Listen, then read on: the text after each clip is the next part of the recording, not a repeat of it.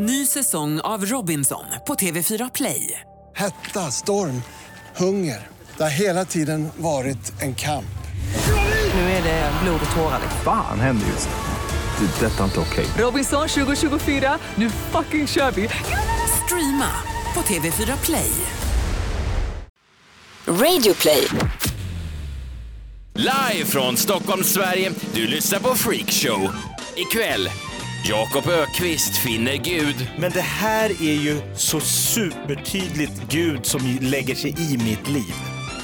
Jag kan inte tolka det på något annat Du sätt. menar att han skickar Sveriges kanske främsta kriminaljournalist? Vi spelar det populära segmentet Kan det stämma? Kan det stämma att Debbie Gwither, Liams nya flickvän, är tvungen att sätta sig ner och googla låten Wonderwall när Liam säger att han ska sjunga den? Och Messiah får pappatips av Liam Gallagher. Det är ganska jobbigt att ha barn ibland, det är ganska tufft att ha barn. Eh, Men ofta skulle man ju kunna hävda att de första, säg två, tre, fyra, upp till 20 åren är tuffare än åren från 20 år och upp. alltså. Du lyssnar på Freakshow, fredagspeppen är enorm, det är en stämning i studion som man kan ta på. Eh, Det är avsnitt 121. Jag heter Messiah Hallberg och eh, ja, Jakob Öqvist. Jag sitter just nu och tar på stämningen. Ja. Man kan ta på det. Ja, eh, gör gärna det, men inte för mycket. Nej. Vi vill inte att det här ska eh, pika för tidigt, utan eh, håll på stämningen. Eh, och vi välkomnar idag för första gången denna säsong, denna höstsäsong, eh, till studion JVL. Hej! Tack, vad roligt att vara tillbaka. Tråkigt att det är höst, men roligt att vara tillbaka. Jag har ju inte sett dig då sen, eh, sen senast, det var ju någon gång i, i maj eller juni och eh, vad har du haft för dig? Nej, men jag... eh, Summera. Ja, eh, nej men inte så mycket. Jag har Nej. tagit det väldigt lugnt, eh, varit lite i Kroatien och eh, också lite i Stockholm. Du Eh, lever ett spännande liv. Ja, jag eh, snabbt ska bara gratulera mig själv till en lyckad premiär av min ståuppshow Scen ur ett äktenskap. Eh, det var ju en eh, kanon va? Eh, Premiär. ja, verkligen. Eh, JVL var ju på plats. Jaha. Ja, plats. vad var du Jakob? Jag var inte på plats. Nej. så att Nej. eh, ögonvittnet JVL får vara mina ögon. Jag förstår, men eh, tycker du, får jag fråga dig, alltså lite, skäms du som en hund? För att du inte... Nej men alltså jag Som tänker, en hund. skäms du som en hund lite grann? Alltså, Men jag har ju ingen skam i kroppen. nej. Så att du Så jag, nej, jag känner ingenting när folk säger det där måste, när du sa det där om, om tjocka Berta. Mm. Så känner jag, nej, hon är ju tjocka Berta? Ja, att hon Att var hon var tjock. tjock, ja. ja. Och så, det säger man ju inte, men hon är ju tjock. Alltså, Så du känner ingen skam? Nej. Nej, men jag, jag, jag har ju nu planerat med barnvakt, jag har ju massa barn eh, som är mina och jag har då planerat att komma när du kör i Stockholm. Som är mycket närmare än Örebro när man Mm. det- bor i Stockholm. Ja, ja, vad kul. Jag kommer eh, återkoppla till min show eh, lite senare under fredagens avsnitt av Freak Show. Däremot så kommer jag inte gå på det direkt för jag tycker att det är lite väl egocentriskt. Så vi väljer att eh, rikta nu strålkastarljuset mot några andra i studion. Så därför tänkte jag fråga dig, Jakob Ökvist, vad har du tänkt prata om? Det är så oerhört ödmjukt. Ja. Eh, nej, men jag fick då i veckan, mm, ganska sent i livet måste man ändå säga, men jag fick hundraprocentig bevis, eh, hundraprocentigt bevis för Guds existens. Oj, Ja, alltså sent i livet, det är inte många som får det någon gång i livet. Nej, men vissa, får ju, vissa visar han sig för. Mm. Okej. Ni- Ja, jag förstår, det är, det är starkt att slänga, slänga ansiktet på oss. Eh, nej, men det är starkt, att du Och är Du 100 får inte nu trumfa Messiahs eh, vad heter det, showhistoria här. du- du menar att det med att du har träffat? Gud. Att det skulle kunna då ställa Messiah i skuggan. Ja, alltså Messiah vet ju redan att du inte var på eh, showen. han så har det en hejdundrande premiärstory. Ja. Men om Gud kommer in och tränger sig före. Om du tar in Gud här i Rockklassikerstudion, då trumfar ju du det. Nej men för jag har alltid varit, vad kallas, vad kallas man, agnostisk. Mm, du tror inte riktigt på något. Jag tycker alla svenskar alltid säger, jag tror inte på en skäggig farbror på ett moln. Men är det någon som, så att man måste liksom in med den passusen, tror du på Gud? Ja, fast jag tror inte att det är en skäggig farbror. Nej, man har aldrig hört någon säga jag tror på en skäggig farbror på molnet. Nej. Nej. Så att man behöver ju inte lägga till det om man tror på Gud, att man inte tror på det just den skäggiga farbrorn på molnet. Jag vet inte om, bad ni till Gud som barn så här för olika, jag ville ha ett Game Watch, det här äh, med Don... Du menar det första dataspelet som mänskligheten uppfann? Game Nej, den här orangea man Ja, bara vet. runt på. Ja, jag vet. Och så fanns det Det en... förlagen till Gameboy. Ja, det var det. Och eh, jag, min farsa sa aldrig i livet, det är dyrt skit liksom. Det var innan tv-spelsutvecklarna uppfann svartvitt. Skärm. Ja, ja. Ja, det var ju bara sådär Det var innan skärmen uppfann. Nej, men det var två skärmar, det var ju som var fantastiskt. Man kunde vika upp den och så spela. Det var tyvärr bara samma spel. Ja. Så när man har fått ner den där apan, han Kong, så började det bara om. Det fanns liksom ingen utvecklings... Men jag, fick, jag bad till Gud, alltså jag låg verkligen och bad. Så jag gör vad som helst. Jag hade två gudar som jag bad till. En gud som jag använde vid krissituationer. Mm. Eh, alltså försökte förhindra dödsfall och så vidare. En Eh, gud, En gud. Alltså, krisguden. Ja, men kära gud, låt inte mina föräldrar dö. Ja. Den typen av gud. Sen hade jag vad jag eh, valde att kalla för en personlig gud. Nej men alltså en, en, en Han satt på molnet ovanför bara dig. Ja, eller jag äh, föreställde mig honom då som en eh, slags alltså Guds assistent kanske som gjorde de här lite mindre jobben. Som gud, jag har inte tid. Alltså en slags orkarinter.se för, fast inom Guds eh, liknelsen. Alltså man kunde be- betala 500 spänn så lyfter de upp ett kylskåp. Som Eh, jobbar lite svart. Ja, av. Rutavdrag. ja, men så den bad jag typ om sådana här tv-spelsliknande grejer. Ah, smart. Du vill inte innan. störa liksom. Nej, nej. Ja, det där missade jag. Om storguden höll på att rädda livet på min pappa till exempel, då ville jag inte att han skulle hålla på och samtidigt försöka se till att jag fick bra julklappar. Ja, men, ja, men jag tänker också om det är en tsunami i, i Sydostasien Mm. och så kommer du, psst, Glöm inte vet mina wrestlingband. Glöm inte att jag ska få wrestlingband. Men han jobbade ju ändå åt, alltså båda gudarna jobbade ju då ändå åt dig. Ja. För den ena jobbade på de stora grejerna Ja. för dig och den andra på de mindre grejerna för Ja. dig. Så du hade, du hade två gudar då. Ja. Det finns ju inget, alltså, agnostik- drömuppväxt. Det är någon motsats till agnostiker. Att så här, Ja, jag tror du på Gud, jag tror på flera och de jobbar alla åt mig. Nej, men man kan ju tro på vad man vill, men jag har aldrig fått några bevis för att det skulle finnas någon gud eh, i hela mitt liv. Nej. Tills i veckan. Du, Nu jag har fick hundraprocentigt bevis. Oj, du gick från noll till hundra. Ja. Du gick från, det finns nog ingen gud till, boom, det finns en gud. Ja, men så här, det, kanske, men troligtvis inte. Nej. Det verkar ju märkligt. Var det inte bara Big Bang och innan det var det nog ingenting. Men vad var det där ingenting? Och så börjar man liksom så här, hjärnan snurrar. Mm, eh, jag hade ju mycket hellre haft som Messiah då, liksom någon form av kartotek med olika sådana här, Gudar, ja. ja, som jag bara kunde säga, snabbtelefonen till Game Watch-guden.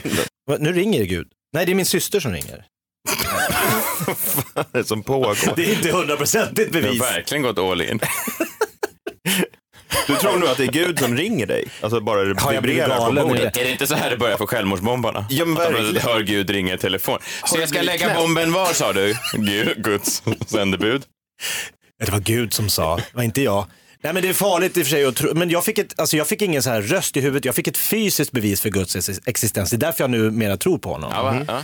För min fru bad mig åka och handla lite saker på plantagen förra helgen. Det var här, det var här han dök upp. Mm, oväntat. Ja, det är verkligen plantagen. det är ändå sista stället jag skulle leta Ja på. men lustgården var väl fylld med växter, Ja, vill. Ja, citrusträd. men inte från plant- plantagen kanske. Det var inte som att Adam och Eva skyndade sig för att Alltså eh, lördagseftermiddag inreda lustgården. Alltså de skulle hinna med både plantagen och Systembolaget Nej men de var nakna och så tänkte de, vad hittar vi Lönnlöv? Plantagen, du tror att det fanns redan? Alltså, när de första människorna ja. besteg jorden. Vem jobbade på plantagen då? Ja, men det, Det var den här ormen.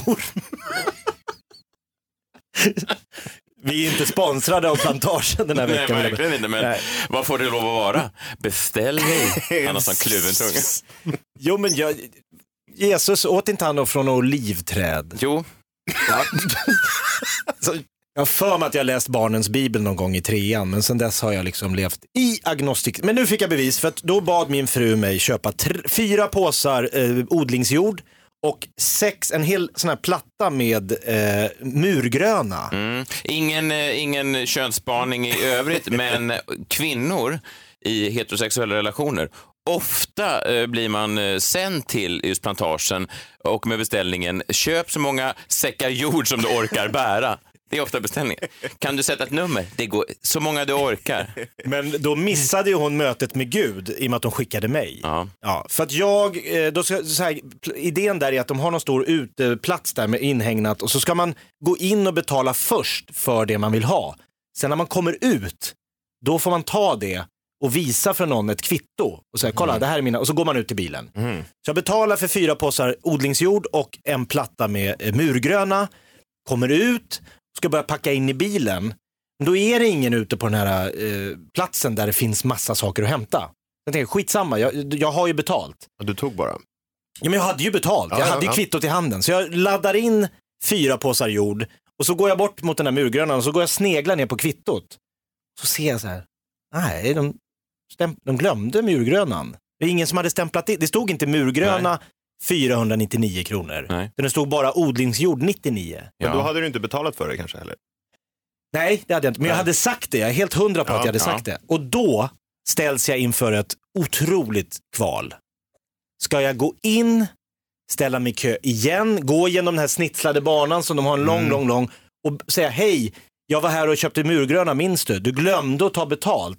Eller ska jag bara säga, nej det här får de, nu har de gjort misstaget. Mm, just det.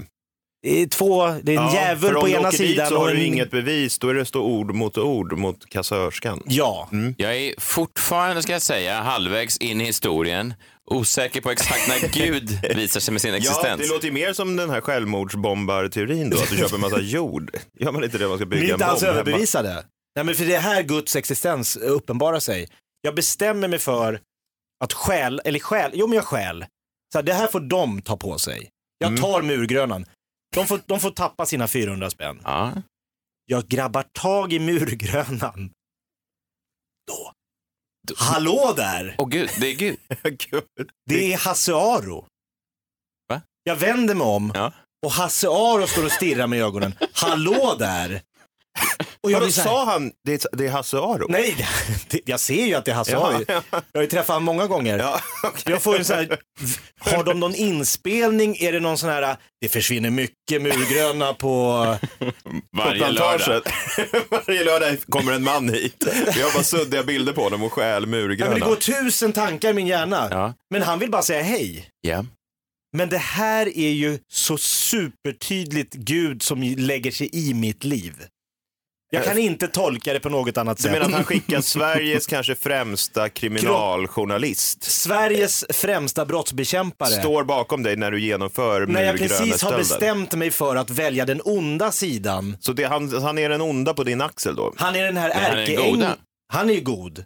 han- Hallå han- där. Jaha, ja just det. Men han sa inte åt dig att inte stjäla. Han visste väl i och för sig ingenting om vad du höll på med. Nej då. men för jag tänkte att det kanske var en efterlyst inspelning, att de så här hade gillrat en fälla.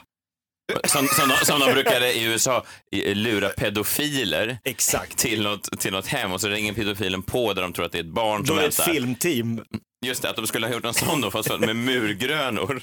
Men- Uppdrag granskning. Ja men också Efterlyst har övergett gängskjutningarna och fokuserar nu bara på plantagestölderna. alltså det är också Ja, men de märkligt. har fått in massa tips om att det bara stjäl såna här liksom Lamotte har sagt, Lamotte på sin Facebook. Vakna Sverige! Jag står här utanför, här stjäls det dagligen. Murgröna, vad tror ni allt tar vägen? Och efterlyst, Hasse Aro bara, vi tar den här, det här är för stort för att släppa till någon sån här swish-journalist. Ja, det visar så- sig att det är Jakob Ökvist som har stulit allt. Ja, Så, så, att, så att Gud har då iklätt sig rollen som en 50-årig eh, eh, kriminaljournalist? Ja, Ah, 100% tydligt tecken ja. på att, nej men att, att icke stjäla, det, är- det, alltså det är en av Guds tio bud. Mm, just Och hur ska han göra det snyggt för att få mig att fatta att jag valde fel? För jag gick ju sen då in, jag bara tjena, tjena, jaha du handlar murgröna sa han. Ja just det. Tänkte jag, nu kommer han säga, har du kvitto på det? Men det var, Jag måste säga att om du ska sälja det här som en religion sen, som scientologin, så verkar JBL inte vara med på tåget så du måste... men vad är chansen att precis när jag ska genomgå mitt första brottsliga beteende sen jag var, jag har inte snattat sen jag gick i trean. Nej. Då var det en, en jelly split på en tobaksaffär i Barkarby. Då åkte jag också dit. Sen dess har jag inte vågat. Men nu när jag bestämmer för nu gör jag det igen. Ja men det är ju väldigt... Då Ja, skickar... ja det, det är ju faktiskt... Det är absolut otroligt, men det är roligt också att du bestämmer dig för... Alltså, för det är inte bara en story då, utan du kände verkligen att det här är Guds ärkeängel. Det här, det bara ringde i min Ja, liksom, jag mitt DNA. Man ska icke stjäla. Ja, ja men starkt. Oerhört starkt i mitt liv. Ja, ja, Men 100 procent då? Ja. Ja, Ja. 99. 99, ja, jag skulle vilja...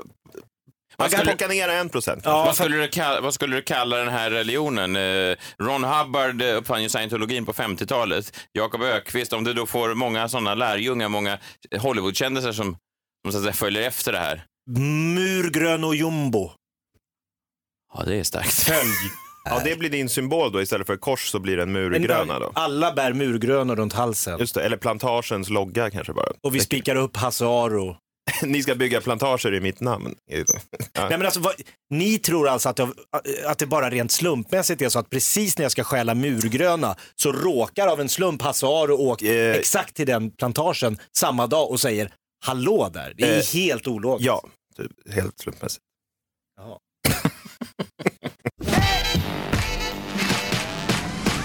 Vi är stolta att även denna vecka vara sponsrade av Läkarmissionen. Läkarmissionen jobbar ju runt om i världen för att hjälpa folk med svåra sjukdomar och just nu så har de en kampanj där de försöker sätta stopp för spridningen av ebola. Så om jag ska vara helt ärlig så trodde jag nästan att ebolan var utrotad på jorden. Det är ju lätt att, få för sig det i Sverige. Eller? Ja, men det är den verkligen inte. Just nu pågår ett stort utbrott av ebola i östra Kongo. Varje vecka upptäcker man nya fall och tyvärr kommer även rapporter in att nya platser i Kongo har drabbats av den smittsamma sjukdomen ebola. Nu behöver Läkarmissionen akut hjälp i kampen för att stoppa spridningen genom utbildning och rätt information. Hur kan du då hjälpa till? Jo, du kan swisha 120 kronor eller valfri summa till 90 00 217. Märka swishen med ebola. Nu hjälps vi åt att stoppa viruset. Ny säsong av Robinson på TV4 Play. Hetta, storm, hunger. Det har hela tiden varit en kamp. Nu är det blod och tårar. Fan händer just nu. Det. är Detta är inte okej. Robinson 2024, nu fucking kör vi! Streama på TV4 Play. Ett poddtips från Podplay. I podden Något Kaiko garanterar östgötarna Brutti och jag, Davva, dig en stor dos skratt. Där följer jag pladask för köttätandet igen. Man är lite som en jävla vampyr. Man har fått lite blodsmak och då måste man ha mer. Udda spaningar, fängslande anekdoter och en och annan arg rant. Jag måste ha mitt kaffe på morgonen för annars är jag ingen trevlig människa. Då är du ingen trevlig människa, punkt. Något Kaiko, hör du på Podplay. Därför är gardinerna. JVL, jag har alltså som sagt inte sett dig sedan den där dagen i maj då vi senast spelade in eh, avsnittet av Freakshow som var väldigt kul tyckte jag när du hade en spaning som fick i alla fall mig att tappa hakan. Vad har du haft för dig sedan dess? Och kanske ännu viktigare, vad tänkte du prata om idag? Jag minns inte riktigt vilken den spaningen var, men kul att den... Nej, vem gör det? Nej, men jag har suttit, sen, sen dess då så har jag suttit eh, och eh, jobbat på nästa spaning, kan man säga. Ja, men det är bra. Jag tycker det krävs människor som du som ändå lägger ner tid. Vissa skiter ju ur sig sådana här ställde- spaningar bara eh, varje vecka, men det gör Nej, men jag, jag ställde in eh, alla sommarledigheter och fokuserade helt på det här. Mm. Det jag har kommit på då under de här snart fyra månaderna är en ny lek. Mm. Som heter Kan det stämma? Har ni spelat den? Nej, Jag har aldrig hört talas om det, men Nej. jag är nyfiken och eh, intrigued. Bra. Låter som då, en ny lek. Ja, men exakt. Då är ingen som har kommit på den före mig. Den, då, då är den unik. Och då, ja, då, släpper du den här hos oss alltså? den är, jag släpper den här. Den är, jag ska skicka in patentet till eh, EU. Är det dit man skickar in patent? tror jag. Ja. Den är ju ganska självförklarande. Jag frågar kan det stämma och ni då svarar kan det stämma eller inte och sen kan vi diskutera lite grann. Ja, vi testar leken här. Ja, men eh, jag tänker det att så här, det, det handlar egentligen om att jag har fyra frågor. Mm. Eh, Kan de fyra stämma? kan de stämma frågor Ah. och ni ska diskutera det och så. Eh, för allting började när jag satt och tittade på dokumentären Liam as it was. Mhm. Har du sett den Jakob? Jag vet att Messiah har sett den. Det handlar om Liam Gallagher, Just det. Oasis, eh, tidigare Oasis-sångare. Och han berättar hur det var. As it Eh, was. Ja, exakt. Ju, han släpper ett nytt album nu den här veckan, så han är ju i ropet. Ja, verkligen. Eh, och den här dokumentären då släpptes i samband med det här lite tidigare i somras. Det som slog mig lite grann, den handlar om hans eh, liv efter Oasis och sådär. Att han, vill, han vill ju återförena bandet eh, och så vidare. Och han sträcker ut en hand då, som han så ofta gör till sin bror som hatar honom över allt annat och de som inte har träffat honom på, på tio år sedan bandet splittrades, Oasis. Är han Eh, storebror eller lillebror? Ja, han är lillebror då. Han är lillebror. En jävla jobbig lillebror, tycker nog Noel då, storebror. Noel. Ja. Noel är- och lillebror sjunger va? Han sjunger och så kissar han på Noels första stereoanläggning i deras pojkrum. Ja. Och han har, Noel har aldrig riktigt... eh, Ja, det är en jobbig lillebror. Ja, han har aldrig riktigt förlåtit honom för det här. Jag fattar man. Men det som slog mig då var ingenting av det här. Eh, utan det var någonting annat. För de intervjuade bland annat hans nya flickvän då. Eh, Liams nya tjej. Mm. Han har en ny flickvän. Han var ju gift med den här Nicole Appleton från All Saints. Eh, hade ett stormigt eh, förhållande, fick några barn och sådär. Och eh, nu har han på senare år träffat då en, en ny tjej. Eh, och jag tänkte att vi kan lyssna lite på vad hon säger, för de frågar henne lite då så här, ja, var du ett Oasis-fan då back in the day och liksom har du hört låtarna mycket och sådär. Och det var hon inte då, hon hade knappt hört talas om Oasis säger hon. Eh, och, ehm, om, och, Det är ju, ska vi bara måla upp en, en bild av att Oasis var ju där vid en tidpunkt kanske världens största band, världens mest spelade band, i alla fall i Storbritannien. Och eh, de hade ju konserter på Nebworth som sägs ha där eh, större delen av den brittiska be- befolkningen sökte biljetter, men alla fick inte. Men det var ju så här 200 000 människor som ändå gick på de här Men spelningarna. det här gick henne förbi alltså Ja, då? eh, Det är lite oklart då, och så här, och, men låtarna måste ju ha hört den. Ja, vi kan ju höra lite vad hon säger om det. It. Even now, sometimes I feel guilty when Liam's talking to me about songs that he's thinking about performing. I have to Google them and see and see which ones they are. But I'm learning. Hon måste då googla de här låtarna när Liam säger vilka som spelar. Så min första, det här är, hon heter då Debbie Gwither. Vänta, jag ska skriva upp. Debbie Gwither, hon är strax under 40 år, född i London. Eh, så hon är lite äldre än oss då. Så hon var väl kanske då 15-20 när Oasis står i sin storhetsperiod. Då är min fråga är då, kan det stämma? som hela leken heter, att Debbie Gwither, Liams nya flickvän, är tvungen att sätta sig ner och googla låten Wonderwall när Liam säger att han ska sjunga den. What did you say? Wonderwall? Yeah, let me just... What, what the hell is a Wonderwall? Ja, men då gissar jag på... Some sort of wall? Jag tar, num- jag tar svar nummer ett, att det kan stämma. Jag tänker bara att om jag kan gå ett helt liv utan att ha liksom mött Gud och så en regnig dag på, på plantagen så bara uppenbarar han sig. Då kan väl hon ha gått sina tonårs, liksom, Ja, hon måste ju Jo, gå. hon kanske var en om- helt annan musik. Ja, Alltså, fast om alla var... Gud varje dag sjöng för dig på radion om och om igen så kanske du ändå hade uppfattat någonting. Ja, men det är som, ja, men du har ju sett, alltså precis, det är ju som att du aldrig hade sett Hasse Aro. Nej, det har jag ju gjort. Kan du föreställa dig en värld, Jakob, där du aldrig har sett Hasse Aro? Ja, det går inte att tänka bort nu när jag har. Nej. Ja, men och Messiah, du, du tror att det kan stämma? Det kan stämma. Vad säger du Messiah? Eh, Jag är tveksam till att hon inte eh, kände till eh, Oasis, ja. Så Och kan jag tror att det att kan googla? det stämma. Eh, nej, jag tror inte att det kan stämma. Nej, och det Men hur ju... fan funkar ett facit här då? Ja, men det här är ju intressant, för jag tänkte så här, vi tar några fler exempel Ja. och så kan vi diskutera vad det är som pågår då. För varför säger hon det här? Men vi, kan ju, vi hoppar över och tittar på eh, Sveriges Liam Gallagher, eh, tänkte jag. Liamo. Vänta. han? Liamo. Liamo. Han vann Idol. Liamo. Han vann Idol, va? Ja, exakt. Ja. Eh, han heter ju då Liam Liamo eh, Kakatlan Mm. Thomasen. Ja. Många namn. Han har satt många hjärtan i brand eh, sedan sitt genombrott och han vann hela Idol. Eh, tidigare har Är det här dina ord? Nej, nej, nu läser jag från... Förlåt. Prata från hjärtat. Eh, jag läser från Aftonbladet-artikeln. För annars är det en stark presentation från dig. Verkligen, ja. Och så Eh, pratar du väldigt stolpigt privat annars. Ja, precis. Så här står det då i mm. Aftonbladet-artikeln. Eh, fortsätter. Tidigare har Liam berättat att han haft svårt att kombinera karriären och kärlekslivet. Men i början av året hittade han, eh, hintade han om att han hade träffat någon väldigt speciell. Liamo berättade att de träffats via Instagram och han tycker väldigt mycket om henne. När de två träffades hade hon ingen aning om vem Liamo var. Hon, eh, hon har själv ingen koppling till varken musikbranschen eller kändisvärlden. Citat då Liamo. Det har varit en resa, för hon gör ingenting som jag gör. Det har varit svårt för henne, men jag fastnade ju för henne för att hon inte visste vem jag var. Jag fick berätta att jag varit med i Idol, så hon har ju tyckt att allt omkring varit jobbigt, säger Liamo. Eh, då är min fråga då, eh, kan det stämma att Liamos nya flickvän, som han träffade på Instagram, inte visste vem han var?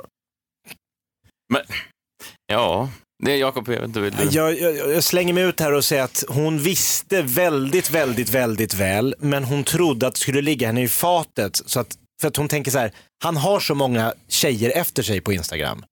Så att för att hon ska sticka ut så måste hon skicka ett, vem fan är du då? Det är aggressivt ändå, Ja. som svar på ett hej. Och vad Men då- fan tror du att du är? Men du menar att, hon, att det är någon Har du vunnit? Idol eller? Ja, men ex- nej, ja, hon ljuger fullständigt här. Hon är hennes största fan. Ja, Fast, fast Jakob, om hon, om hon svarar, har du vunnit Idol eller? Alltså, som en, det är första frågan. det är ändå lite genomskinligt va? Men jag tänker också att de har ju träffats på Instagram, vad du, nu det betyder. Jag antar att någon har slidat in i någons DMs. Och då, då har man i alla fall lite, alltså, Ja, man tar ju en snabb blick. Det är inte som att jag skickar ut mina DMs på random nej men, och sen får jag veta efterhand att det var en förintelseförnekare. Va? Ha, Och det andra var Linda? Lindorff. Shit vad det här spred sig ja, men märkligt. om, om, om, det, om det är hon som har slidat in på hans DMs, då vet hon ju väl vem han är. Och om han har slidat in på hennes DMs, då öppnar man väl profilen och ser då kanske att han har vunnit Idol. Jag tror han har som profilbild Idol-vinstbilden från Globen. Ja, och att det I konfettiregnet och Bagge står bredvid och jublar. Liksom. Ja, ja. så att, eh, eh, Kan det stämma? Eh, det kan, eh, eh, jag skulle säga att det är troligare än att, eh, och Debbie har undvikit Oasis, eh, Englands största text. band genom tiderna, förutom Beatles. Men jag tror ändå inte att det här stämmer, Liamo. Okej. Eh, vi tar eh, exempel nummer tre. Ja, nu börjar det bli spännande. VM-hjälten Andreas Granqvist. Min fru visste inte vem jag var. Andreas Du har Granqvist, hittat en röd tråd där känner jag. An- Andreas Granqvist träffade frun Sofie på Helsingborgsfestivalen. Vad var det som gjorde att det blev ni, frågar en journalist här då. Vi fattade tycke för varandra ganska snabbt och började dejta en tid senare. Sedan dess har vi hållit ihop. Journalisten, hon har också sagt att hon i det läget inte visste att du var en känd Helsingborgsspelare. Det stämmer, säger Andreas. Hon visste inte vem jag var och kunde ingenting om fotboll. Det var hennes kompisar som berättade att jag spelade i Helsingborg. Okej, då är min fråga. Kan det stämma att när Sofie träffade Helsingborgs kanske enda kändis på Helsingborgsfestivalen, att hon då inte visste vem han var? Ja, nu får Messiah kastas ut där. Jag känner att jag har... Okej, det som talar till hennes fördel här, Ja. eller hans fördel eller deras fördel, eh, det som så att säga skulle kunna mm, vidimera den här historien, är ju att Andreas Granqvist har ett högst alldagligt utseende. Alltså när jag blundar nu så kan jag inte se honom framför mig. Till och med när jag bildgooglar Andreas Granqvist och ser honom framför mig så kan jag inte se honom framför Hur han ser mig. ut? Nej. Okej. Eh, Du så- menar att han har lite låg karisma då, eller? Han har ett ansikte som ett spöke. Ja. Det är en existens. Eh, nej, men han, han glider in med massa andra. Han har inte en distinkt look. Nej. Eh, däremot så låter det ju otroligt. D- om hon inte kände till honom så känns han också som en kille som kan råka droppa det. Det skulle vara det enda jag gick runt och sa på Helsingborgsfestivalen. Ja, det här påminner mig om fotboll. By the way, jag spelar... Alltså att, Ja, ja. men på Helsingborgsfestivalen också. Ja. Jag tänker då glider man in då, man är Helsingborgsspelare. Kanske i matchtröjan. Sjungandes mera mål. Och P... Med boll under armen. Ja, det är Ja, du undrar om jag spelar fotboll? Ja, det stämmer. Ser du mina dubbdojor? Nej men alltså jag tänker att, för det sägs att eh, Granen skriver under med, alltså autografen är att han skriver sitt namn och så ritar han en gran. Ja, ju- Även när han skriver på checka, alltså att det är hans liksom signum. Men så hon, där borde, i och för sig det är svårt, hon drar ju iväg åt kanske, är du skogshuggare? ja, just det, när, hon, när han går fram och ritar en gran då på hennes arm. Ja det första han gör. På Jag förstår att du vill ha en, du har bara armar, du vill ha en autograf. Okej, just En det. gra, autograf. Och då måste hon lägga ihop pusslet då, så att säga. Så här, gran, jobbar han i rebus. skog. Ja, men hur Alltså, många är Helsingborgs... träd plus ett stort hjärta. En gran, Plus en en kvist. fotboll. Han skrev, gick alltså fram på Helsingborgsfestivalen och skrev en rebus på hennes arm. när hon skulle beställa lite rosévin. Och hon bara, vem, det här Vem fan är det här? Och hennes hennes kompisar kompis- bara, det är han, fotbollsspelaren. Ja, okej. Ja det tror jag. Och- Nej, Okej, Hon visste nog inte. Okej, så det kan stämma. Ja, Jag kan skulle stämma. säga att det här skulle kunna stämma mer än de andra två kan stämma. Så att jag, jag, för att eh, hålla den här leken vid liv så säger jag ja, det kan stämma. Okej, då tar vi sista exempel. Ja. Foppa, min tjej visste inte vem jag var. Peter, Det Fors stämmer inte! Du har inte hört? Peter Forsberg är en av vår tids största hockeystjärnor, men flickvännen Nicole Nordin hade ingen koll på vem den skäggige norrlänningen var när de träffades. När Foppa under söndagen gästade Helenius hörna fick han frågan om Nicole kände igen honom under deras första möte, som ägde rum på en middag i Stockholm. Citat, "Eh, hon är inte så där hockeytokig, så det gjorde hon inte, säger Foppa. Enligt tidningen King är Forsbergs affärsimperium värt över en miljard kronor. Eh, de har barn tillsammans och när det är dags för barn nummer två återstår att se. Plats lär det hur som helst finnas. Som Nyheter 24 tidigare rapporterat sägs familjen Forsberg Nordin vara på väg att flytta in i en 300 kvadratmeter stor takvåning på Birger Jarlsgatan 53. Då är ju sista frågan då. Kan det stämma att Nicole råkade hamna på dejt med en miljardär som finns på frimärken utan att veta vem det var? Måste du lägga till? Ja, men när du säger hennes efternamn Nordin, är hon alltså svensk i grund och botten? Nicole Nordin, hon är svensk, född och uppvuxen i Stockholm. Hon är ju lite, hon är ju lite yngre än, än, än, än, än Foppa. Hon är i vår ålder. Ja. Då, Nej, 35 tror jag. ja, men då, då, då är man ju lite uppvuxen med eh, nationalhjälten Peter Forsberg och så vidare. Det är, det är ett slumpmässigt drag att nästan alla spelarfruar eh, inte är sportintresserade överhuvudtaget. Det är inte någon, alltså varenda spelarfru säger ja, jag är inte ihop med min man för för att han, eh, jag visste inte ens vem han var, jag är inte intresserad av det. Det är ju det är intressant eh, Ja, men det är drag. intressant så här, även om hon inte är hockeytokig. Mm. Så, alltså, jag är inte hockeytokig Nej. och jag vet ju vem Peter Forsberg är. Eh, och jag du har ju skickat brev någon gång. Ja, exakt. Jag har ju skickat, precis, jag har skickat brev eller liksom slagit på tvn någon gång i, i livet. Så att det, ja, ehm, och sen att, så, så, ja, men vad tror ni, kan det stämma? Nej men alltså jag, jag, jag blir lite deprimerad. Jag tycker någonstans är det mycket ärligare som typ Anna Anka som sa att första gången hon, hon var ju PT på ett gym i Los Angeles och så kommer Paul Anka in och hon bara, jag bestämde mig direkt. Han ska jag ha! Ja, för hon visste vem det var. Ja, det är ju motsatsen till det här. Då. Övertydlig på, det är Paul! Ja. Ja. Så att eh, det det här är att hålla ingen- på det- att gömma sin, liksom, att man är ett gammalt eh, fan, det tycker jag bara är, olö- det är så här ofräscht. Men jag tror att, hur gammal sa du att hon var? Ja, hon är 35, hon är i vår ålder. 85 tror jag hon är, 84 kanske. Ja men då, alltså han, ho- alltså OS 94, då Ja. var hon ju ändå liksom medveten. Ja, hon var väl som jag och Messiah. 10 bast. Mm. 10 då. Ja, då är det ju orimligt. Eh, ja, Även du om menar hockey, inte... inte... ja, men det är så, han är ju överallt. Idrottsgalor, Mästarnas Mästare, Superstars. Ja, så ni menar att det inte kan stämma? Foppatofflor har hon på sig. Eh, Ja, men någonting som Hon kopplar. hade det på sig på den här middagen. Men du vet att det är mina tofflor. Vem är du igen? Poppa. Du är toffeltillverkare. Nej, nej, jag vet inte vem du är. eh, nej, jag tror inte att det stämmer. Okej. Tyvärr. Jag har eh, faktiskt just tänkt på henne. Jag har tänkt på att i varenda intervju så påtalar Peter Forsberg att han inte eh, då är gift med någon som vet vem han är. Och jag tror att han gör det här som någon slags skyddsreflex också. Jag tror att det här är någonting som de måste säga för att varken hon vill verka som ett fan och han vill inte verka som att han har skaffat barn med, med en groupie. Ja, men, och det är intressant, för det, liksom, precis, vad är det som pågår här? Nu har vi haft då fyra exempel och det, den röda tråden som jag ser i det här är att det är, vi pratade ju förut om, om Tinder, kändisar på Tinder och att det kanske lite var bottenskrapet av kändisvärlden som var på Tinder då. Det var Sean Banan och Gurkan och så här. Man skulle också ha frukt eller en grönsak i sitt namn. Just det. Eh, och eh, det här tror jag då är motsatsen. Det vill säga att man når en sorts kändisnivå som är ganska hög. Så att istället för att då stoltsera med att min partner visste vem jag var, så stoltserar man med att säga att min partner visste inte vem jag var. Och det man egentligen säger då är att alla vet ju vem jag är, så titta vad konstigt att den här personen inte visste vem jag var. Är ni med på mitt Det, resonemang? det är ett dubbelresonemang som, som inte bara visar att man inte ligger med groupies. Eh, man har också hittat den enda personen som eh, på ett som sjukt sätt inte vet vem jag är. Ja, exakt. Ja. Så det man säger, det är någon slags humble brag här. Det man säger ju egentligen så här, alla vet vem jag är, Ja. så kan ni tänka er att jag lyckades hitta en person som inte visste det. Och att man då kanske lite gillar det också. Att de här människorna kanske har presenterat sig och sagt, hon, Debbie kanske sa till Liam, who are you? What kind of wall do you like? Alltså, Ja men, och, ja men säger man det inte för att egentligen säger man ju, indirekt säger man, hon skulle aldrig varit ihop med mig om jag inte var den jag var. Ja, för det vill man ju inte, det vill man inte säga då. Utan Nej, istället men man så, vet ju, alla vet ju det. Ja, och man sätter ju sig själv då i en väldigt hög kändisstatus när, man- när man säger det här. Eh, för jag menar, bara för att gå tillbaka till den här Liam-dokumentären, det här är ju hon som säger då, men den här dokumentären är ju då directed by eh, Charlie Lightning, who was behind Liams Chinatown video. Eh, Lightning says, having known Liam both personally and creatively over the past 10 years, bla bla bla bla. Så det, han, Liam känner ju den här som har gjort den här dokumentären. Eh, alltså det är inte Hannes Råstam som har gjort den, det är inget gräv om Nej, Liam. det är inget gräv. Så han har ju nå- någonstans godkänt att hon säger det här och jag tror att Liam gillar det lite på samma sätt som Foppa gillar det. Och skulle Foppa någon gång av en slump åka tillbaka till Nicoles gamla flicklägenhet på Gärdet så, så hänger det troligtvis en Colorado Avalanche och en Modotröja och en Tre Kronor-tröja med Oj. Signer. Det, det är det det är. Och hon har en väldigt stor frimärkssamling. Ja, och bara Foppatofflor. Så att hon är ju egentligen en stalker. Hon framstår ju som allt mer obehaglig. Man öppnar ett frimärksalbum och så är det 2000 frimärken på den där Foppa-dragningen. Och alla är färdigslickade.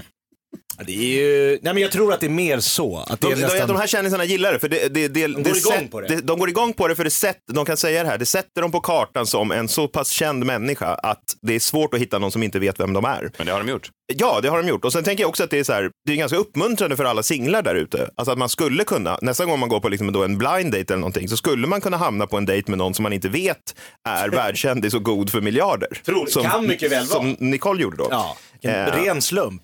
Och det är också så här, det här är ju då, om ni, Messiah och Jakob vill ta ert kändisskap till nästa nivå, så tror jag att det här är det bästa sättet. Det vill säga att, säg att ni då, ja, era nuvarande förhållanden tar slut, då tror jag att det är viktigt att nästa gång ni är på något event, röda mattan, där det är lite kameror, eh, dyk upp med någon ny dejt och när reportern frågar så här, hur träffades ni? Då säger ni bara så här, hon visste inte vem jag var. Kan ni tänka er? Och då har ni nått en ny stjärnstatus. Hon hade inte ens hört Freakshow. Hör och häpna, hör och häpna Daniel Nylén. Mellan dig och mig. Hon hade inte ens hört podden. På tal om Liam Gallagher, vad lustigt att du pratar om honom. Jag eh, tänkte på det, han släppte ju en skiva i, i, ehm, i veckan eh, och eh, Why Me, Why Not heter den. Och eh, det är ju en ganska typisk Liam-titel. Den är sådär filosofisk på en ganska basic nivå. Alltså det är en ganska sådär quasi-filosofisk eh, eh, nivå. Det är en låt på skivan som jag tycker är ganska trallvänlig. Vi kan lyssna lite på den. Den heter Now That I Found You.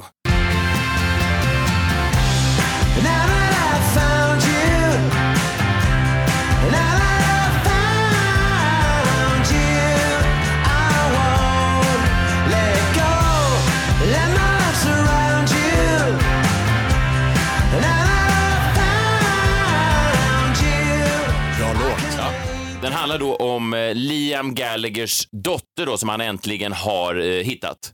Now that I found you så är han glad. Eh, och, hon är, ja, eh, och då kan man undra, hur hittar man en dotter när hon är 20 år gammal? För det är ju ganska ovanligt alltså, att man bara dyker på en dotter Ja. så. Ofta så är man ju medveten om att ens dotter visst- föds redan när Alltså, den han, föds. han vände på det. Han visste inte vem dottern var. Otippat. Ja. Eh, nej, men han, eh, han säger nu, eh, nu har vi träffats då och det är kanon och ni har skrivit en låt. Det är fantastiskt att ha en dotter så här, en fin dotter som är 20-21 år gammal. Det är mysigt. Verkligen. Eh, men det som är också intressant då med föräldraskapet i det, för att det är ganska jobbigt att ha barn ibland, det är ganska tufft att ha barn, eh, men ofta skulle man ju kunna hävda att de första, säg två, tre, fyra upp till 20 åren är tuffare än åren från 20 år och upp. Alltså, om man ska skri- det är väldigt få som skriver pappaböcker 20 från åldrarna till 30. 20 till 99. Alltså, det, är inte, det är inte där problemen kommer in, men då har Liam vänt på det och lyckats. Och det intressanta då, eh, låten Now That I Found You, Eh, Det här var då i år, eh, eller förra året, som han äntligen träffade sin dotter. Det här är då en tjej eh, som han fick tillsammans med ett one night stand som han hade på 90-talet. Han hade ett, ett ligg då med en tjej som heter Lisa Morish. Hon har också en son med Pete Doherty. Eh, som, du hon visste vilka de killarna var?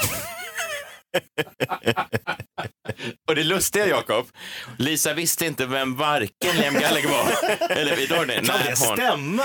Nej, men kan det stämma? Det är exempel nummer fem. Nej, men hon hade ingen aning. Hon råkade då få barn med de två största rockikonerna i Storbritannien de sista 20 åren. Det, kan ju, det är ju, slumpen är ju sån. Ja, det är ju uh, wow. Du träffade Hasse Aro på plantagen. Eh, Hon råkade ligga Ja. med, få barn med de två största rockkändisarna i, Saker i England. händer som vi inte kan styra över. Ja, nej men det lägger ingen värdering i det. Han gick då in på vuxennivån direkt och tog över föräldraskapet i 20-årsåldern. Det intressanta är då när han säger Now that I found you, om man googlar lite så kan man se att Liam mycket väl har känt till eh, dottern ganska länge. Han har blivit intervjuad och då eh, för bara några år sedan, säg två, tre år sedan, så sa han "Nej, jag har inte riktigt, eh, du vet, intervju frågar eh, hur går det där, har du träffat din dotter? Mm, jag har inte riktigt fått till det va? Jag har inte riktigt... Eh, Det är mycket logistiskt som ska Ja, stämma. I've just never got around meeting her. Alltså han har inte... I heard she's all right though. I heard she's all right. Eh, han säger att jag är öppen, om hon vill kontakta mig så går det kanon. Alltså jag är, I'm open to everything. Men det är Eh, inte Daddy of the year-vibbar. I got no problem with the girl whatsoever. I wouldn't turn her away De man. blir aldrig träffa I henne. wouldn't turn her away. Nej, Nej. det kan vi hoppas. Eh, om det händer så händer det, säger han också. Det här är, om vi springer Om de springer på, på en slump på om hon går på en Oasis-konsert så händer det. Ja. eh, nej, men han hade inte mött henne. Jag har heller inte mött eh, den där i New York heller. Och med den där i New York menar han den andra ungen som han också fått med ett one night stand i New York när han för några år sedan skulle bli intervjuad av en journalist från New York Times och råka göra henne gravid. Han var Ja. gift vid tillfället, det ledde till skilsmässa, det blir ju trist. Men jag Eh, tänker också på dottern där. Tänkte vad spännande då när mamman har dragit någon story om någon sjöman i alla år. Tror du att kvinnan som hade one night stand med Liam Gallagher, du tror på riktigt att de försökte för dölja? skull. Det tror inte jag. Visste, Alltså- journa- visste journalisten vem Lea Gallagher var när hon intervjuade honom? Hon hade Och ingen sen låg. Actually sir, I never heard of you. Ja, Do you play some kind of music? Jo men du, Let's som jag. dotter måste du vem är min pappa, vem är min pappa? Berätta mamma, berätta. Ja, det var en sjöman, det var ett skepp. Jag satt En prins på genomresa ja, som eh, Håkan Hellström sjunger. Exakt så Ja. har hon ju liksom. Ja. Och dottern har gått och trott, men till slut säger mamman, nej vänta lite. Ska, ska vi slå på MTV? Ja, men det är väl bara fint att, att, att man kan hoppa in i papparollen sådär i 20-årsåldern. Men som han sa då för bara tre år sedan, de här grejerna med att man ska liksom bara ta ansvar. These things aren't good when they are forced. Alltså när det är Det är påtvingat så kan det Nej. bli trist. Alltså. Det är, ja, nej, men det är, ju, det är ju sant. Det är det viktigt att man... ansvar vid 20 års ålder? Ja. Nej, men han har, han har också pytsat in lite för hus och skolor och sånt där under åren. Jag tror kanske att han har blivit tvungen att göra det. Jag Ja. tror inte kanske att han Det har... finns ju någon legal document där, där det Jag står att han misstänker måste. att det kan vara lagen som har fått tag i den långa armen och fått Men vad händer med den andra dottern då? Har han found her yet då? Eller det, hon är fortfarande, det blir nästa album? 18 år, ge det 18 år John så kommer en låt till. Nej då, I found you as well. Jag tänkte bara prata lite snabbt om showen. Jakob, var du där? Nej, det har vi redan Jag var inte på själva nej, premiären. Nej, trist, trist. Ehm, jag har ju då en stand-up show eh, som heter Scener ur ett äktenskap, äktenskap Mm. inom citationstecken, som handlar lite om parförhållanden och så vidare. Det här är ju det mest, det här är så nära jag har kommit eh, observational comedy, alltså Mm. vad ska man säga, igenkänningshumor. Eh, Gräv där du stod. Ja, men så nära jag har kommit någonting som folk i publiken kan vara så, jaha, ja, ja, ja. Alltså jag har fått eh, DMs här på, på sociala medier från eh, någon som körde lastbil som sa, ja, så där, det där kände jag igen, vilket är eh, ganska förbluffande Ja. mig. Nej, men alltså, för att jag har rört mig i en sfär där jag har tänkt att jag är så unik. Jag står så mycket över alla andra människor Mm. att, att, att ni ens ska kunna närma er den tankevärld jag befinner mig i är eh, Barockt. barockt, ja. Men Mm. tydligen så har en del människor känt igen sig då i, i parförhållandes eh, vedermödor och sådär. Och eh, det är ju fint, det uppskattar Mm. jag väldigt mycket.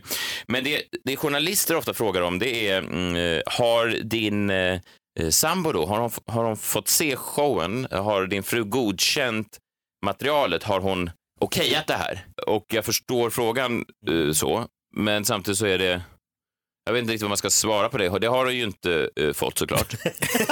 nej, men, nej, men, nej, men det har hon inte. Alltså, Nej. men hon har ju också använt mig som humoristiskt material i sina grejer och jag har inte lagt mig i eh, det. Jag tänker att det hör till lite när man... Alltså, jag är på en nivå nu och stoppa mig... stoppa mig om det låter högfärdigt, men Olof Lagercrantz skrev om August Strindberg. Vad är det som... Hör... Nej, nu- Nej. Eh, Olof Lagercrantz skrev om August Strindberg att han regisserade sitt liv till användbara katastrofer som gav bränsle åt hans diktning.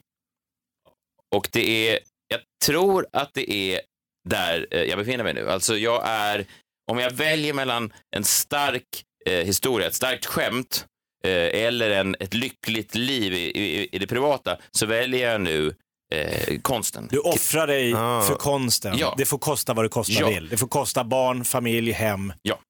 Det är Eh, oerhört fint. Tack. Eh, det jag också framhåller i intervjuer när journalister frågar mig, det är ju då, eh, tänk på Karl Ove Knausgård. Eh, ni vet hans Min kamp-serie som var en, en väldigt eh, utförlig beskrivning av eh, ja, men hans liv, hur hans relation, hans barn och så vidare. Det var ju eh, nio delar fördelat på sex böcker, 3500 sidor. Det är ju eh, det är mycket text. Det måste man säga. Vad säger journalisterna när du säger tänk Ove Knausgård? De gillar det. De Kultur- gillar den Kulturjournalisterna älskar ju Knausgård. såklart. eh, så när de frågar så säger jag alltid, tänk på dem. De eh, hade ju det här, han outade allt. Han outade sin frus Lindas då psykiska sjukdom när hon lades in, eh, alla problem och eh, om man då söker tillbaks i arkiven så frågar journalisterna samma fråga till Knausgård som de nu ställer till mig några år senare. Och det är ju, ja, det är nog ingen slumpa. Eh, då säger de, vad tyckte din fru Linda? Har hon fått okeja materialet? Och då säger han här eh, 2012, hon har stöttat det jag gjort hela tiden. När hon läste del två som handlar om henne och oss så blev reaktionen först krisartad. Jag tror det gjorde väldigt ont, men samtidigt accepterar hon det. Tell the truth and run heter det ju. Lyckligtvis är jag gift med en ovanligt generös människa. Som nu ligger på psyket. Men det här har jag, ja, precis, det här har jag alltid då framhållit som en, en lycklig historia. Sen läste jag nya numret av Vi läser i veckan. Så läser jag en ny intervju med Karl-Ove Knausgård några år senare. Då står det, Karl-Ove Knausgård har lämnat Sverige, bor numera i London med sin brittiska fru och alla sina fem barn. Alltså då har han en ny. Linda har bara, Ah, hon har bara legat var och förstående. Nej, hon var inte så förstående. Carl-Olle Knausgård separerade från Linda Boström 2016. Idag bor han med sin nya fru som är förlagschef i södra London. Det låter i och för sig trevligt. Ja, visste hon vem Knausgård var? Hon kom ut. Förlagschef, ja. The funny thing Nej. is, I didn't know No, Carl-Ove. no, Carl-Ove Knausgård. Nej, men det är det som är, är, är, gör mig kanske lite rädd ändå, för jag har alltid pratat om eh, då Knausgård som någon slags eh, förebild i det här att man ska, man ska berätta sin sanning och, transparent. Ja, transparent. Och det här var ju inte bra alls alltså. Men ser du att det här kommer att hända dig då? Alltså att du kommer vara, eh, bo i London snart med en komikerchef? det heter det inte, men... eh, en- Nej, men jag tror snarare att publiken kommer kräva nu från Messiah att vara så transparent. Skulle du liksom gå tillbaks till liksom bara vitsar och sånt där så Ja. skulle det bli som när Ulf Lundell stod på scenen och publiken hade skyltar börja Börja- sup igen. Ja, just det. Uff, att liksom, det går inte att, göm dig inte. Du Nej, måste liksom börja få säga sanningen. Ja, just det. Så när Messiah kör på Norra Brunn så har folk, börja hänga ut din fru igen, skyltar. Men, men eh, alltså, det är ju heller inte, alltså, jag ska vara tydlig med det, det är ju inte egentligen en show om, alltså, det är ju, det är ju min värld, alltså, det handlar inte så mycket om henne egentligen, lite om henne, hon är bifigur i mitt liv. Men äktenskapet är ju en märklig institution. Ja, det är väldigt konstigt, de är barn och allting. Ja. Så det, det är ju, men ehm, då får han frågan i den här nya intervjun i Vi läser Knausgård. Så han, I samband med eh, att du gav ut min kamp sa du att du var tvungen att skriva om ditt äktenskap för att det skulle överleva, sa han då. Känns det naivt idag? Så säger Knausgård, om jag sa något sånt så var det naivt. Jag tror inte att skrivandet kan reparera livet eller relationer. Men jag tror inte att jag ödelagt någonting. Nej, förutom ja, dina barns, eh, föräldrars relation och så vidare och att din fru har varit på sedan psyket. 2016. Eh, Men sålde inte böckerna skitbra? Ändå skönt att gå jo, han, vidare. och- han är ju mångmiljonär. Ja. Så att vad fan. Skönt att gå vidare och tänka så att så här, lyckligtvis är inget ödelagt och det ligger bara trasiga barn och fruar bakom sig i Norge. Fan. Han får frågan, ångrar du någon gång projektet? Nej, men priset var högt. Jag vet ännu inte vad priset är, Jakob. Nej, Spännande. det är svårt att ta, sätta pris förrän du har sett vad, priset, vad prislappen är. Ja, men däremot kan jag ju säga så här, biljettförsäljningen går kanon.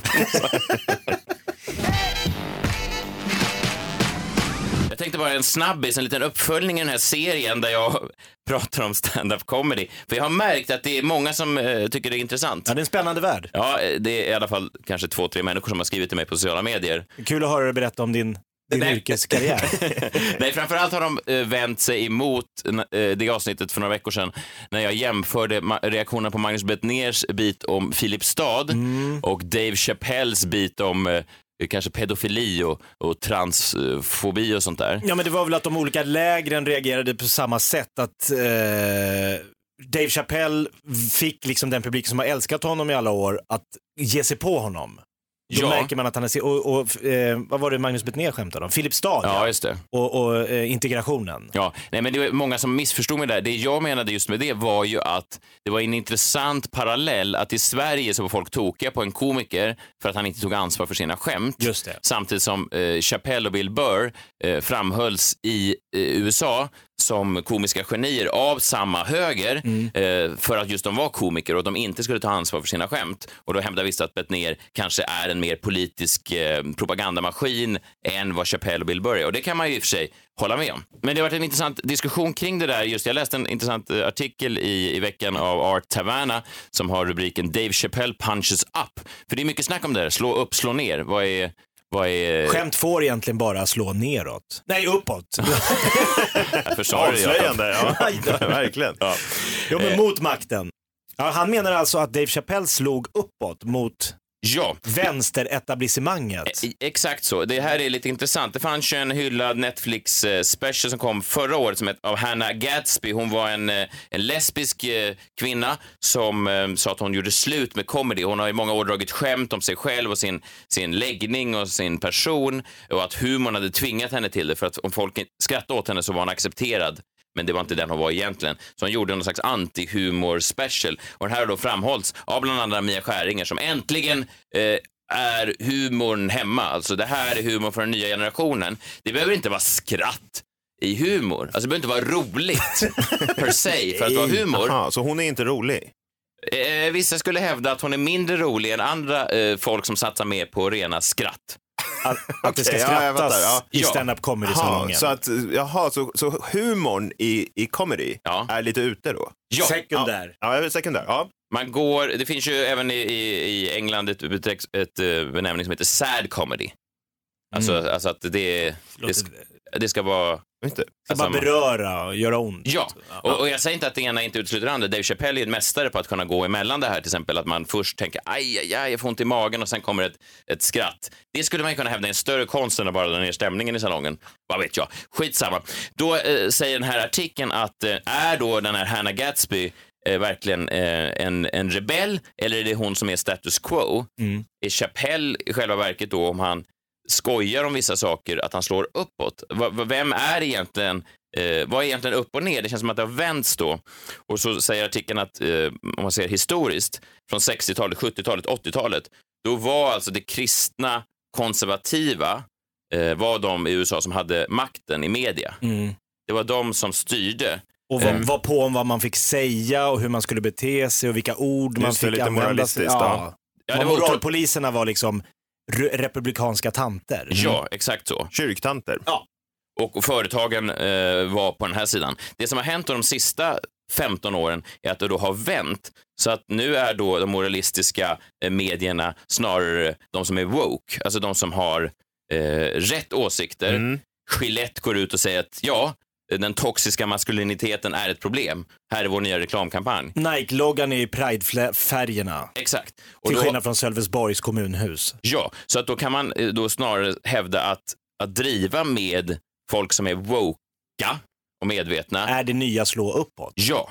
Ah. Att det blir konstigt att skoja med dyslektiska sverigedemokrater, som jag absolut har gjort mig skyldig till, och hävda att det är att slå uppåt.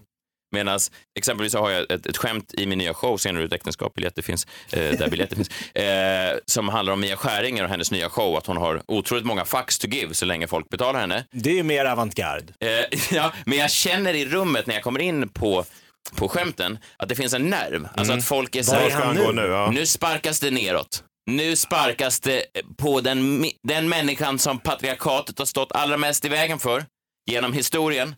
Alltså Nu den... sparkar han på hon som står i Globen medan du står i Örebros konserthus.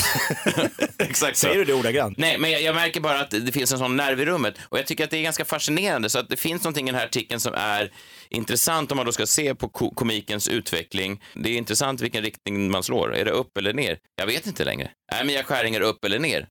Ja, ingen vet. Nej, troligtvis så borde hon ju bara eh, upp. Upp. Om hon är den mest hyllade och bäst säljande komikern i det här landets historia. Borde inte det vara upp då? Det är intressant hur man ändå kan vara ner. Ja, Förstår du? faktiskt. Allt är upp och ner. Jag vet inte vad, längre var jag står, vem jag är. Nej, men det är väl, det är väl Håkan Hellström-syndromet. Han känns ju också fortfarande som, eller när man står på en Håkan Hellström-konsert så tänker man ju ändå, vilken arbetargrabb. Ja, verkligen. Han ser vi verkligen, liksom, han är verkligen en av oss. Han är en av oss och sen går han av scenen och så pissar han en sjöman i munnen direkt när han går av. Bara för att han Och ramlar vidare. Ja, men han pissar uppåt. Han pissar uppåt. Ja, det var det. Det här var ett freakshow eh, Jösses. där vi har stötts och blötts. Gud har uppfunnits. Vi har lekt leken, vad heter den nu? Kan det stämma? Kan det stämma? Succésegment. Och jag har pratat lite om stand-up. Det är alltid eh, populärt. Vi hörs igen nästa vecka. Se mig till helgen. Hudiksvall, Umeå. Sen eh, är jag i Göteborg och Linköping och Jönköping. Och det tar aldrig slut. Jag ser ju dig när du, eh, inte i Hudiksvall, Nej. inte i Umeå, Nej. inte i Göteborg, Nej. men Stockholm. Ah, vad härligt. 23 november. Absolut. Vi hörs snart. Vi ses nästa fredag. Puss och kram! Hej! Hej då! Hej då!